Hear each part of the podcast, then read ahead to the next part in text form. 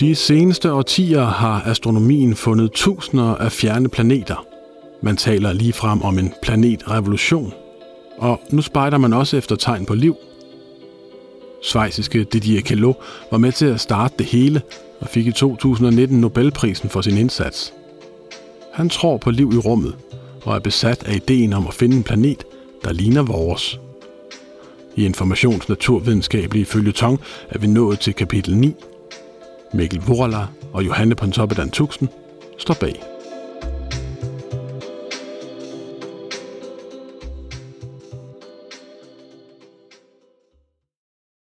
Der var nærmest ikke den ting, der ikke var galt med hans opdagelse. Udstyret burde ikke være præcist nok. Opdagelsen burde ikke kunne ske så hurtigt. Og den slags planet, han påstod at have fundet, burde slet ikke eksistere. Didier Queloz var 29 år, Ph.D.-studerende ved Universitetet i Genève, og han vidste, at hans liv var forandret for altid. Enten havde han begået sit livs fejltagelse og afsluttet sin karriere, før den var begyndt, eller også havde han gjort sit livs opdagelse. Dengang midt i 1990'erne var menneskets kort over planeter i universet stort set begrænset til vores eget solsystem, og ingen havde fundet en planet, der kredsede om en stjerne ligesom solen. Der var altså ikke blot tale om et landkort med hvide pletter på, der var tale om et stykke helt blankt papir. Derfor troede Didier Calot, at han måtte have gjort noget galt, da hans observationer af stjernen 51 Pegasus viste, at stjernen stod og rokkede. Vi kender det fra vores solsystem, hvor jorden og vores naboplaneter ikke bare er indfanget i solens tyngdefelt, men også trækker lidt i solen, så det ser ud som om den rokker lidt. Men nu var det altså 51 Pegasus, en stjerne omtrent 50 lysår væk, som opførte sig på en lignende måde. Uanset hvordan Didier Calot drejede sine data, kom han frem til samme resultat, og han sendte en besked til sin vejleder, der holdt sabbat på Hawaii. Jeg tror, jeg har fundet en planet, skrev han. Didier Calot griner. Han sidder i Genève med et stort billede af byens springvand bag sig, i tryg forvisning om, at alt endte godt. Men dengang tvivlede selv hans vejleder, Michel Major, på resultaterne. Senere gennemgik de hans data sammen, gentog observationerne, og efter det var de overbeviste. Det måtte være en planet. Bare en meget mærkelig planet. I vores eget solsystem har vi klippeplaneterne inderst, efterfulgt af de kæmpestore gasplaneter og isplaneter længere ude, hvilket giver god mening, da gassen har kunnet samle sig i de kølige egne derude fjern fra solen og beskyttet fra solvinden. Men denne her nye planet var en stor gasplanet, måske halvt så stor som Jupiter, hvilket er virkelig stort, og så kredsede den helt forunderligt i en bane ganske tæt om sin stjerne, hvilket gasplaneter slet ikke skulle kunne. I dag er den slags planeter kendt som Hot Jupiters.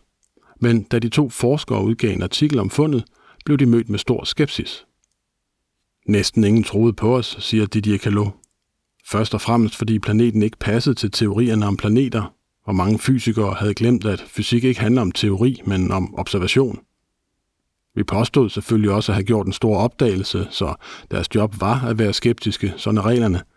Men for en ung Ph.D.-studerende var det hårdt, siger han. Tiden har dog været på hans side, for en forskningsmæssig lavine blev efterfølgende sat i gang.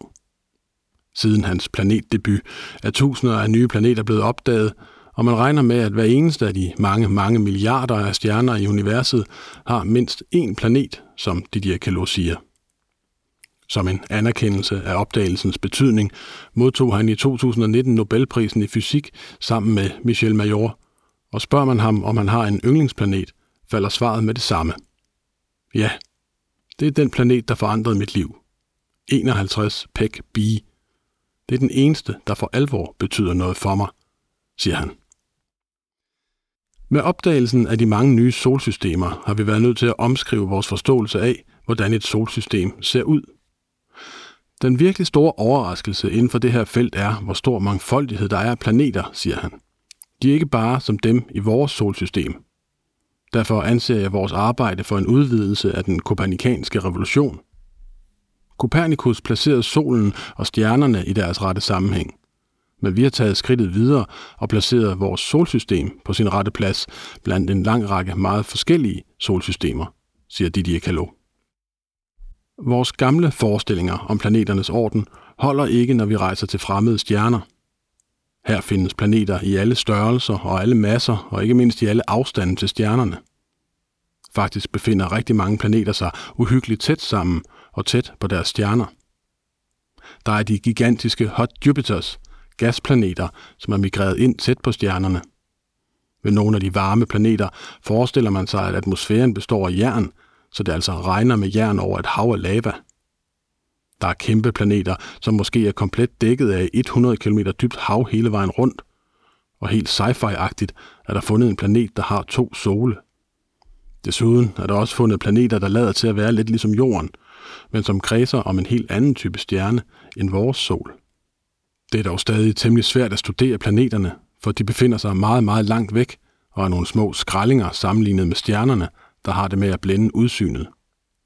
Det står dog klart, at mennesket med hele dette nye forskningsfelt ikke bare kan lirke døren på klem til en enkelt ny verden, men bogstaveligt talt til millioner af dem. Men forskningen i de fremmede planeter handler om langt mere end at finde dem. Dybest set handler det om at forstå os selv, siger Didier Queloz, og fortsætter. Først skal vi forstå, hvordan solsystemet er dannet, og hvorfor det er, som det er. Og siden kan man undersøge geofysikken på de fremmede kloder og få svar på andre store spørgsmål. For eksempel om det system af kontinentalplader, der holder jorden levende og undergrunden i bevægelse, kan fortsætte. Pladetektonik er helt afgørende for livets overlevelse, da det er den primære motor til genbrug af CO2. Den vulkanske aktivitet udleder CO2, som regner ned og bliver opslugt af pladetektonikken. Måske vi mennesker har udryddet os selv med egne dumheder, inden vi står med det problem, for vi har gravet en masse CO2 op, som vi lukker ud i atmosfæren. Men det er en anden historie, siger Didi Kalo og fortsætter. Næste skridt i forskningen handler selvfølgelig om liv. Vi kommer til at finde liv på andre planeter, det er jeg ret sikker på, for jeg ser ikke livet som noget unikt. Men hvad betyder det? Er der kun én form for kemi, der kan danne liv? Er alt liv som os? spørger han. Information stiller ham et spørgsmål. Hvad leder man efter, når man skal finde liv, ud over en planet? Der er tre tilgange, som komplementerer hinanden godt, svarer Didier Calot. Den første er, at der kun findes én slags liv på jorden. Alt liv er det samme. Set fra et astrofysisk perspektiv er der ingen forskel på en blomst og på dig. I bygger på de samme principper med samme kemi og samme cellebaseret system. Der vil ikke gå længe, tør jeg godt spå, før vi komplet forstår livets opståen og kan skabe liv i laboratorier. Folk leder efter Gud i himlen, men de skal blot kigge på jorden. Vi er Gud. Vi skaber død, og vi skaber liv. Spørger man så, om der findes andre former for liv, må man forlade jorden. Den første milliard år efter, at solen tog form, var Mars i det store hele ligesom jorden, og det var Venus også. Så hvis du kunne se solsystemet dengang, vil du nok gætte på, at der var tre planeter med liv. Vi er landet på Mars nu, og vi ved, der er vand på Mars. Måske kan vi finde spor af anden form for liv derop, eller vi kan finde den præcis samme form for liv som her, hvorfor vi må spørge, om livet måske er begyndt på Mars og kommet hertil med en meteor. Det kommer vi til at undersøge og få svar på i løbet af de næste 20 år, siger han, og fortsætter. Parallelt med det kommer vi til at analysere atmosfæren fra en masse andre planeter i andre systemer. Atmosfæren er et produkt af geofysikken, og vi ved, at livet kan ændre atmosfæren. Det er på grund af liv, at vi har så meget ilt i vores atmosfære. Men kombinationen af de tre tilgange kan give os et billede af, hvor vi befinder os i det store univers, og hvad det vil sige at være i live. Information spørger. Ser du livet som noget rent kemisk? Ja, svarer han. Men som kemi, der tager magten. Udgangspunktet er ikke levende, men det bliver det, når et kemisk system har nok maskineri til at overleve og konkurrere mod andre kemiske mekanismer, der ikke er levende. Dominere og overtage. Det er det niveau af konkurrence, der skaber livet, siger han. Information spørger igen.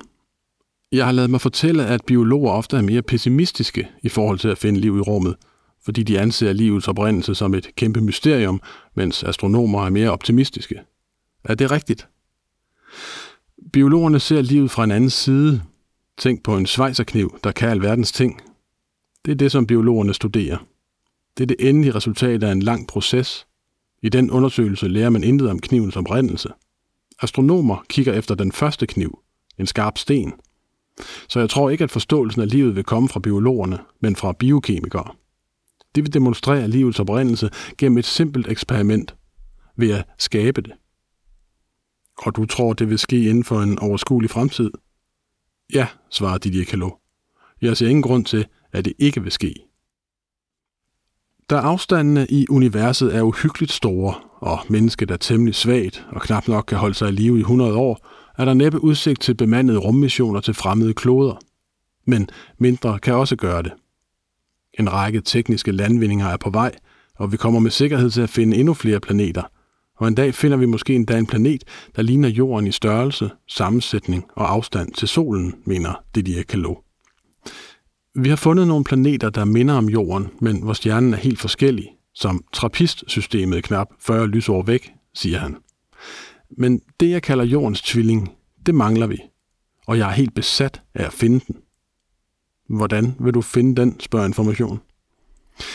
Vi har udstyret til at måle en lille planet i kredsløb om en stjerne, men det kræver enormt meget teleskoptid, for man skal dybest set observere en stjerne hver nat i 10 år, og bruge de bedste matematiske modeller og de bedste folk til at korrigere det hele.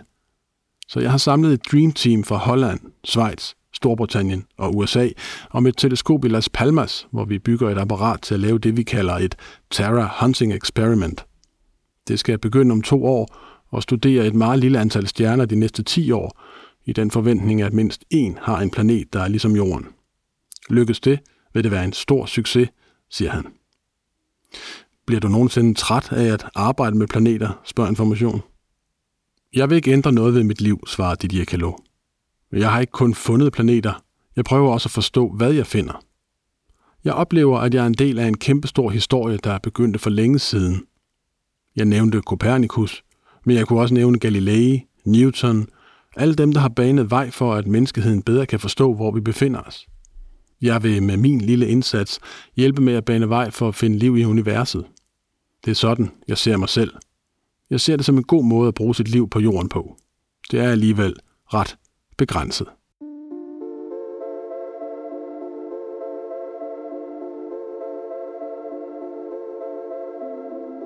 Det var kapitel 9 i vores nye naturvidenskabelige serie. Hvis du går ind på Informations hjemmeside, kan du finde samtlige oplæste artikler i serien. Du kan også finde dem i din foretrukne podcast-app under serienavnet Vi fortæller naturvidenskaben forfra.